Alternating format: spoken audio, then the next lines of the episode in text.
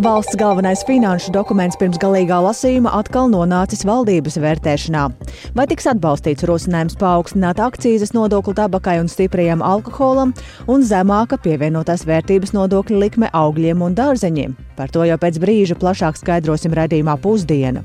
Lielbritānijai ar Grieķiju nesaskaņas par kultūras mantojumu. Grieķi vēlas atgūt Britu muzejā Londonā esošās savulaik no Atēnu Partenona atvestās skulptūras. Kāpēc Lielbritānija tās nevēlas atdot? Un pamatīgi sasniegušais sniegs šorīt atkal iztraucējis dienas sākumu daudziem, kavēta satiksme un vairāk avāriju. Arī par to jau tūdaļ plašāk raidījumā pusdiena.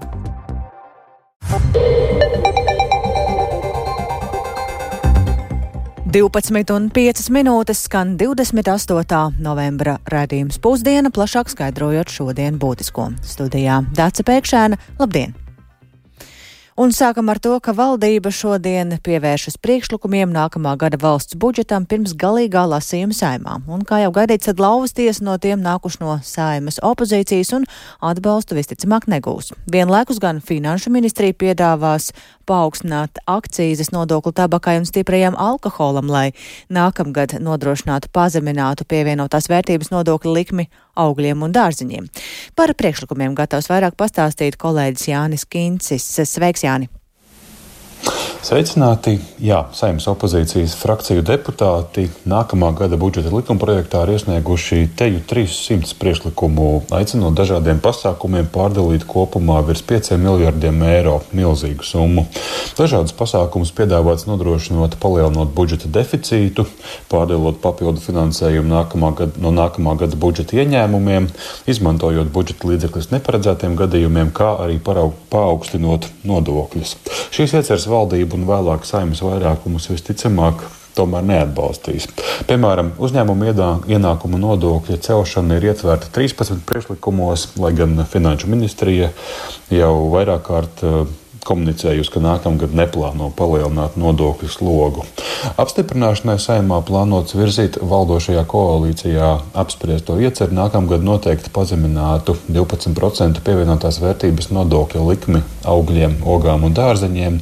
Vairākus gadus tā Latvijā svaigiem augļiem un dārzeņiem bijusi 5%, taču pēc šī gada pazeminātā likme vairs nebija plānota. Tomēr koalīcijā ietilpstošā Zaļo un Zemnieku savienība uzstāja saglabāt pazeminātu PVN PVN likme augļiem un dārziņiem, un koalīcija vienojās par kompromisu variantu 12% PVN likmi nākamajā gadā. Taču, lai to nodrošinātu, ir piedāvāts palielināt akcijas nodokli bezalkoholiskajiem dzērieniem, kā arī straujāk celt akcijas nodokli stipriem alkoholam cigaretēm, tabakai un tās aizstājai produktiem.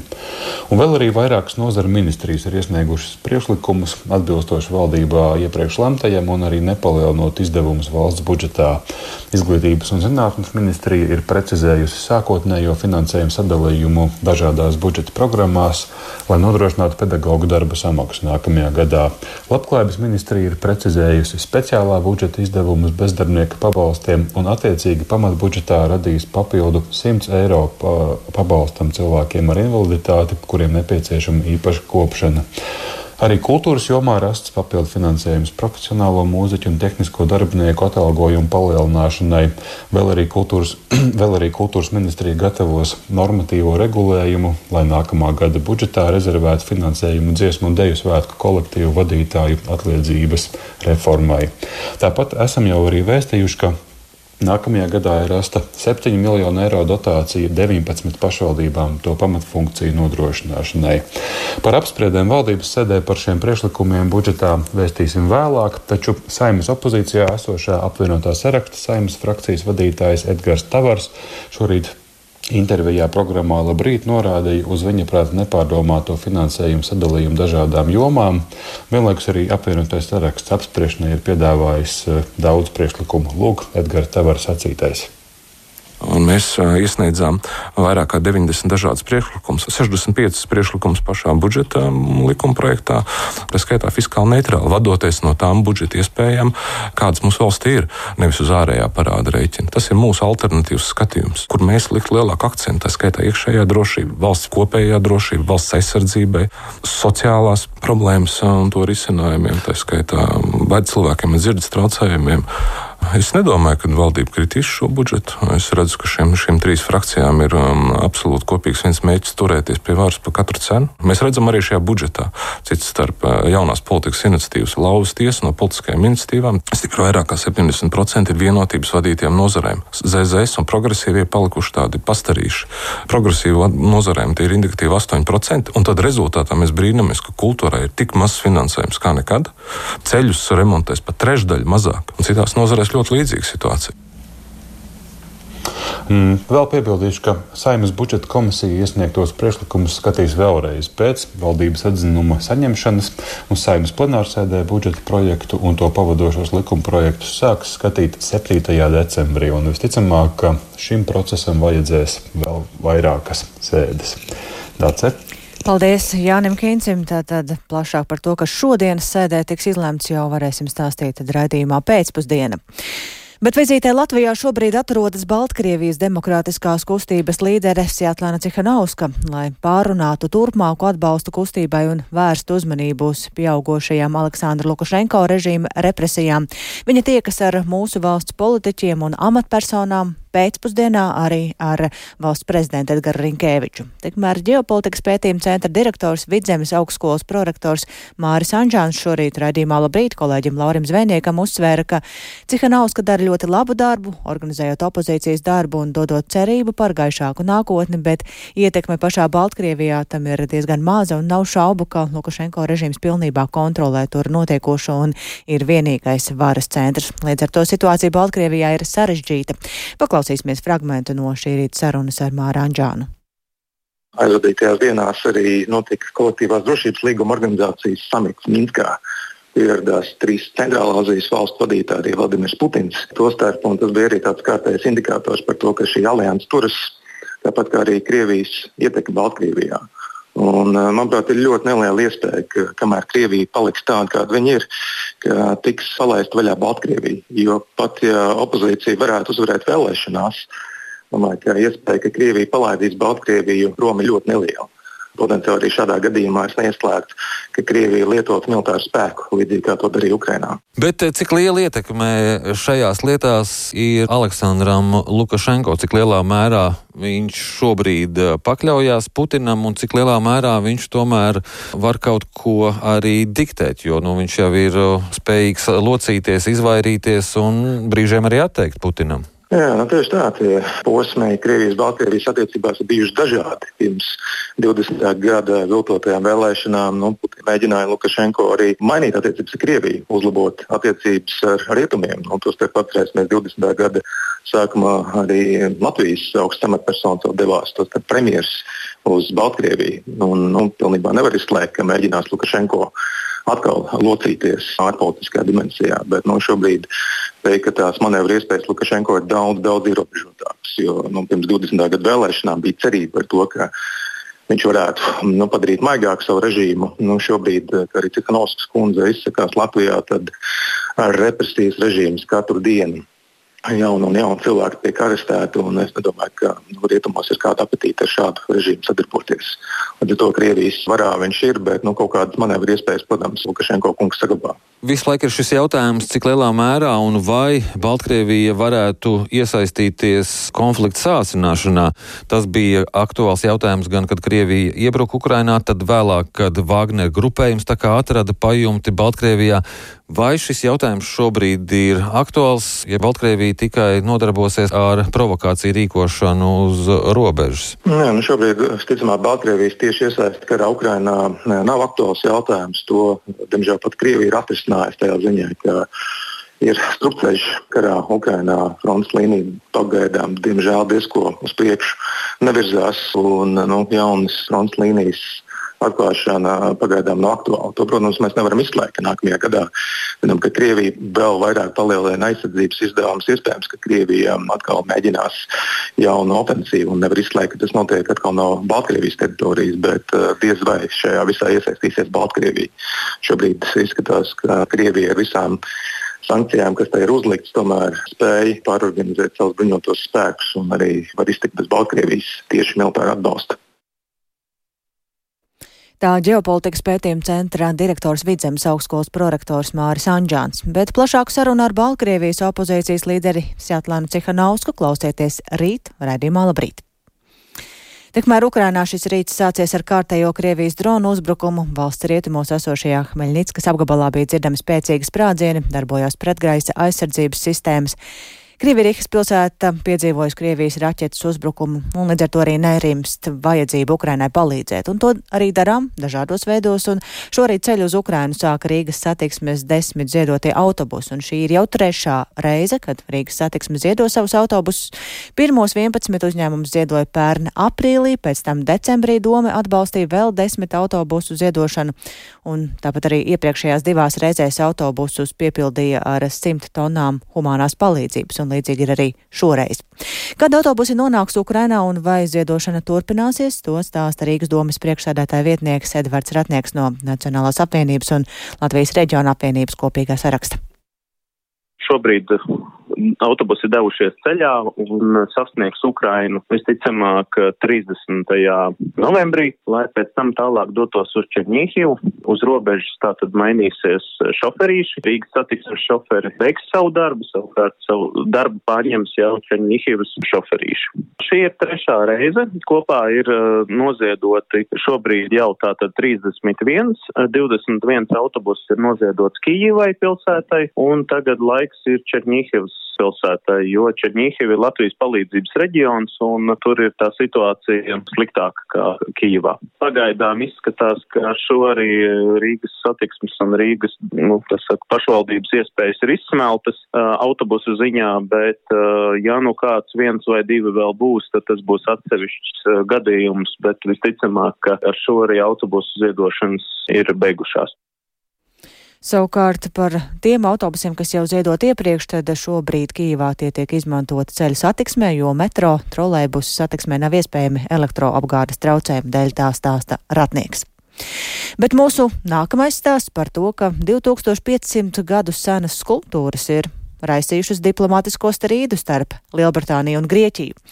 Britu premjerministrs Rišijs Sunaks atcēla šodien paredzēto tikšanos ar Grieķijas premjeru Kirjaku Micotaki, reaģējot uz Micotaka paziņojumu, ka Grieķija vēlas atgūt Britu muzejā Londonā izstādītās Partenona skulptūras, ko 19. gadsimta sākumā Briti demontēja no Atēnu Akropolis. Savukārt Sunaks uzstāja, ka šiem artefaktiem ir jāpaliek Britu muzejā, un tāpēc šobrīd pievienojas man studijā kolēģis Uldis Česberis, un viņš ir gatavs pastāstīt vairāk par šo diplomātisko strīdu. Sveiks, Uldi! Tad kāpēc atcēla šodien Londonā paredzēto Sunaku un Mitsutaka tikšanos?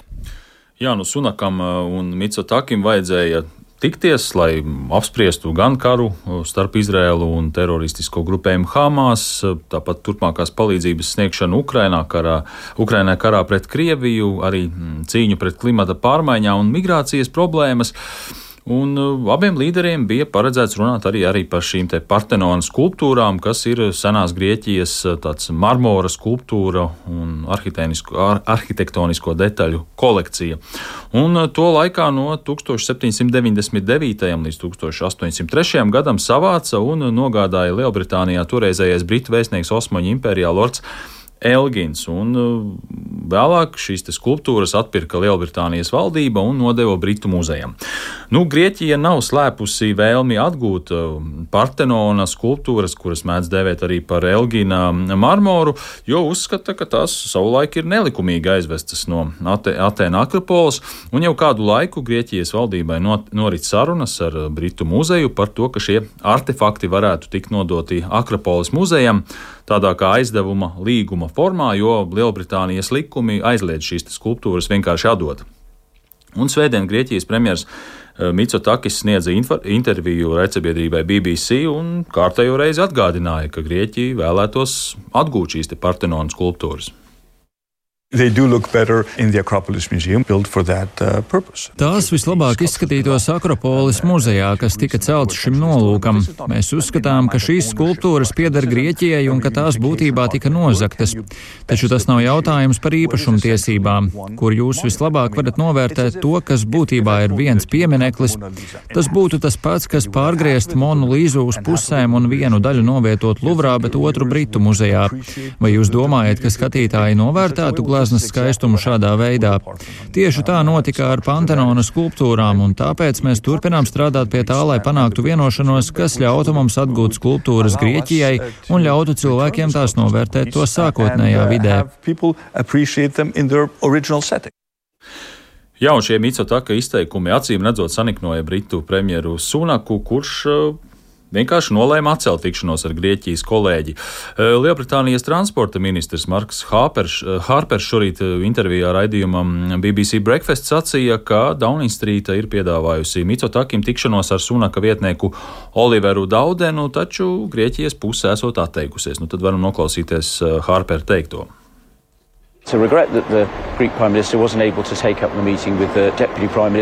Mums ir žēl, ka Grieķijas premjerministrs nevarēja tikties ar premjera vietnieku, bet tāds piedāvājums tika izteikts. Premjera vietnieks būtu ļoti priecājies šodien tikties ar Grieķijas premjeru, lai pārunātu ar viņu mūsu valstīm būtiskus jautājumus.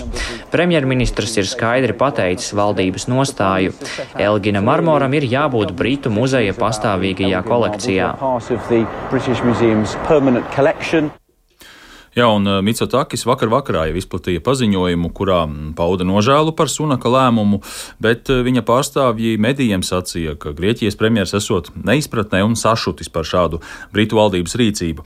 Un te vēl jāpiebilst, ka vakar Mitsotakim bija tikšanās ar opozīcijā esošās Leiboristu partijas līderi Kēru Stārmeru, kurš viņam esot apliecinājis, ka Leiboristi neiebildīs, ja Grieķija un uh, Britu muzejs vienosies par Partenonu skulptūru nodošanu Akropols muzejam. Nu, acīm redzot, arī šis te solījums ir saniknojis Britu valdību, kura, konservatīvo Britu valdību, kura tomēr iestājas par to, ka šīm skulptūrām ir joprojām jāpaliek Britu muzeja eh, rīcībā. Paldies Uldim Česberim tik tālu par divu ar pus tūkstošus gadus senām kultūras vērtībām. Bet kas, kas notiks ar vēsturisko mūžas kompleksu pie mums pašmājās Naukšēnos, kurā vēl nesen atradās tagad jau likvidētā sociālās korekcijas izglītības iestāde? Tagad šīs ēkas ir Valmieras novada pašvaldības pārziņā, un uzturēšana nav lēts prieks, un tas liek arī meklēt risinājumus turpmākajam pielietojumam. Piemēram, paredzēts, ka kādreizējā mācību korpusa ēka vēl šogad darbu sāks tajā privāta klīnika onkoloģijas pacientiem. Kā virzās naukšēnu mūžas apsaimniekošanas jautājums, par to interesējās vidzemes korespondenta Gunta Matisone. Aizvadītā gada oktobrī beidzot pastāvēt sociālās korekcijas izglītības iestādē, kā stāsta Naukšāna apvienības īpašuma apsaimniekošanas speciālists Digis Čākurs, pašvaldības pāzijā nonāca visai apjomīgs īpašums, kas tagad prasa apsaimniekošanu. Saimniecība ir pietiekoši liela. Mums ir kaut kur ap 60 hektāriem īpašums un 14 ēkas. Dažādi izmēri un dažādi lielumi, bet tās galvenās rūpes mums ir pa trim ēkām. Ja, teiksim, Mūža pilsēta, jau kungu māja pat galvenā, tad ir bijusi skola, skolas ēka. Un arī dienas viesnīca ir kopmītnes. Tās ir tās, kuras, nu, teiksim, vajag apsildīt, uzturēt kārtībā. Naukšanos kā galveno plusu vērtē to, ka laikā, kad te bija sociālās korekcijas izglītības iestāde, muži ir saglabāti un uzturēti labā stāvoklī. To kā būtisku aspektu mužas nākotnē vērtē arī Naukšana apvienības pārvaldes vadītājs Jānis Zumens. Pēdējā periodā muža tika diezgan labi atjaunota. Gan tie tehniskie, gan jumti un fasādes, to mēs redzam vizuāli arī no iekšpuses, to varam novērtēt Jo 97. gadā, kad beidza šeit darboties Naukšāna 23. ārodu skola, tam mūžs bija ļoti žēlīgā um, stāvoklī. Nu, pēdējos gados tā tiešām ir atzimusi. Jānis Zumens arī stāsta, ka nav jau gluži tā, ka nebūtu arī intereses par mūžu. Par mūžu nepārtraukti jau ir lielāka vai mazāka interese tādiem īstermiņa kaut vai nomniekiem. Dažādas pasākumus organizēt, vai tās ir nometnes, vai tās ir kādas jubilejas. Tāpat ir arī šeit mēģina uzņēmēja darbības sākt uh, klīnika. Pirms tam bija doma par uh, šūšanas darbnīcu. Tagad ir viens interesants, kurš interesējās par darbu ar akmeņiem, kamīnu dizaina projektētājs. Naukšana apvienības pārvaldes vadītāja pieminētā privāta klinika jau ir veikusi nepieciešamos darbus, lai mūža komplekss kādreizējo zirgu staļļēku pielāgot medicīnas iestādes iestādes vajadzībām un prasībām, kā arī sagādāts nepieciešamās iekārtas. Par to, kas tajā iecerēts, stāst Sijā Santa Monika valdes loceklis Andris Garsels. Jau kā gadu mēs realizējam šo mērķi, kas ir saistīts ar vēža pacientu ārstēšanu integratīvajā medicīnā.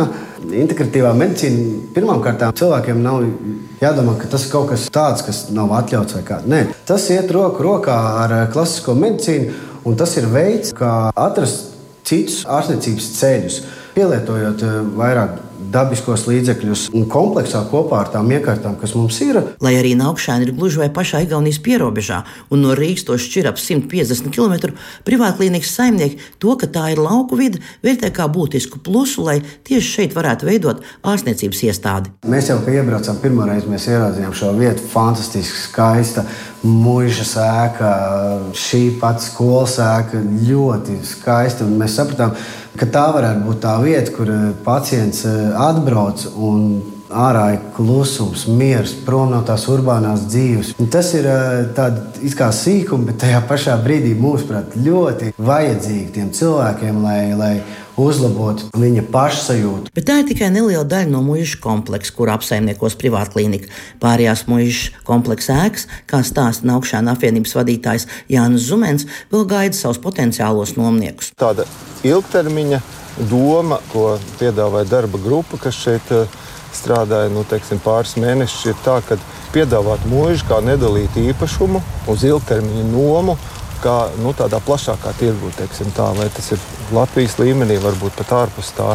Jo šeit nu, ir diezgan daudz ēku, arī diezgan liels zemes īpašums, un te ir daudz iespējas. Jautājums, ko darīt ar mūžu kompleksu un kādu vēlētos redzēt tā nākotnē, maijā tika uzdots aptaujā arī vietējiem iedzīvotājiem.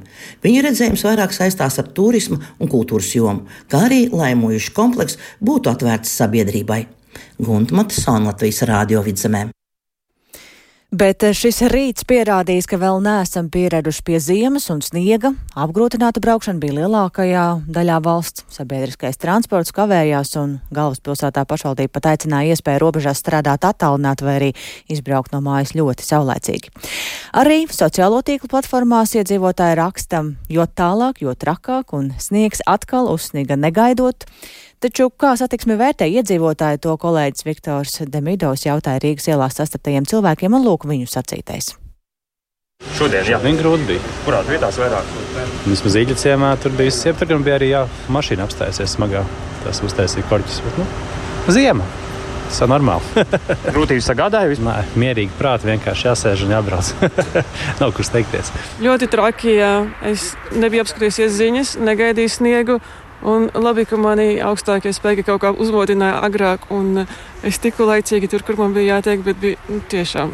Man bija jātiek no dreliņiem uz uh, Kalnciem ielu, un nu, jā, no dreliņiem līdz centram tiešām bija nu, ļoti garš pasākums. Nu, minūtes desmit kavēja. Piekto gaidu, un nu, es palaidu garām, jo viņš desmit minūtes bija vēlāk. Un, un tad nākošais arī jau desmit kavēja. Nenāks pārplānot eh, kādus darbus vai kā jums? Nē, man uz slimnīcu jābrauc. Bet nu, nav tik steidzīgi, kā varu gaidīt. Nu, davot, 15 minūtes poļi. Es atbraucu 15 minūtes vēlāk. Autobuss daudz vietas stāvēja. Autobusi. Braucu no Jūrmālas uz Rīgas centru un bija ļoti liels sastrēgums. Kurā vietā vairāk? Mm, tieši posms no Spītas līdz šejienai. Tā kā ļoti, ļoti. Normāli. Nu, nebija pārāk slikti, bet no aizkavēšanās bija mazliet. Jā. Kuras puses braucāt? No Siguldas. Kāds bija tas ceļš, tīrīts, netīrīts, sniegots? Nu, diezgan pilns ar sniegu. Ceļu varēja redzēt, bet nu, bija kā bija. Sagādāja grūtības, kavēt? Ne. Man ir laika rezerve vienmēr ieplānot, ja nu gadījumā satiksmi vai sniegs vai kā. Savukārt likumsargiem gan šodien uz ielām darba vairāk, un par to mums izstāstīja valsts policijas pārstāve Līna Bagdone. Šodien no 6.00 rītā līdz 11.11. valsts policija valstī kopumā ir reģistrējusi 39 ceļu satiksmes negadījumus bez cietušām personām un 3 negadījumus ar cietušām personām. Šāds negadījumu skaits ir nedaudz lielāks nekā ikdienā, kad ir labi laika apstākļi. Un, ja salīdzina ar pagājušo ceturtdienu, kad arī visā valstī snīga, tad šodien līdz pulksten 11. valsts policijā reģistrēto ceļu satiksmes negadījumu skaits tomēr ir mazāks.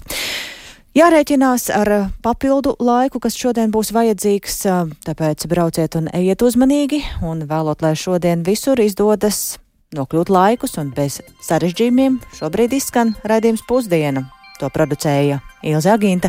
Ierakstus montēja Kaspars Groskops par labskaņu rūpējās Katrīna Bramberga un ar jums sarunājās Dāca Pēkšēna. Vēl īsi par šodien būtisko valdībā skata tātad budžeta priekšlikumus pirms galīgā lasījuma saimā. Vairākus tūkstošus gadus senas skulptūras ir raisījušas diplomātisko strīdu starp Lielbritāniju un Grieķiju, un sniegs apgrūtina braukšanu lielā daļā valsts. Raidījuma pusdiena var klausīties arī sev vērtā laikā. Latvijas radio mobilajā lietotnē ir jāsameklē dienas ziņas, un tāpat arī Latvijas radio ziņām var sekot līdzi sabiedrisko mediju ziņu portālā LSMLV un arī mūsu sociālo tīklu kontos. Uz tikšanos atkal rīt!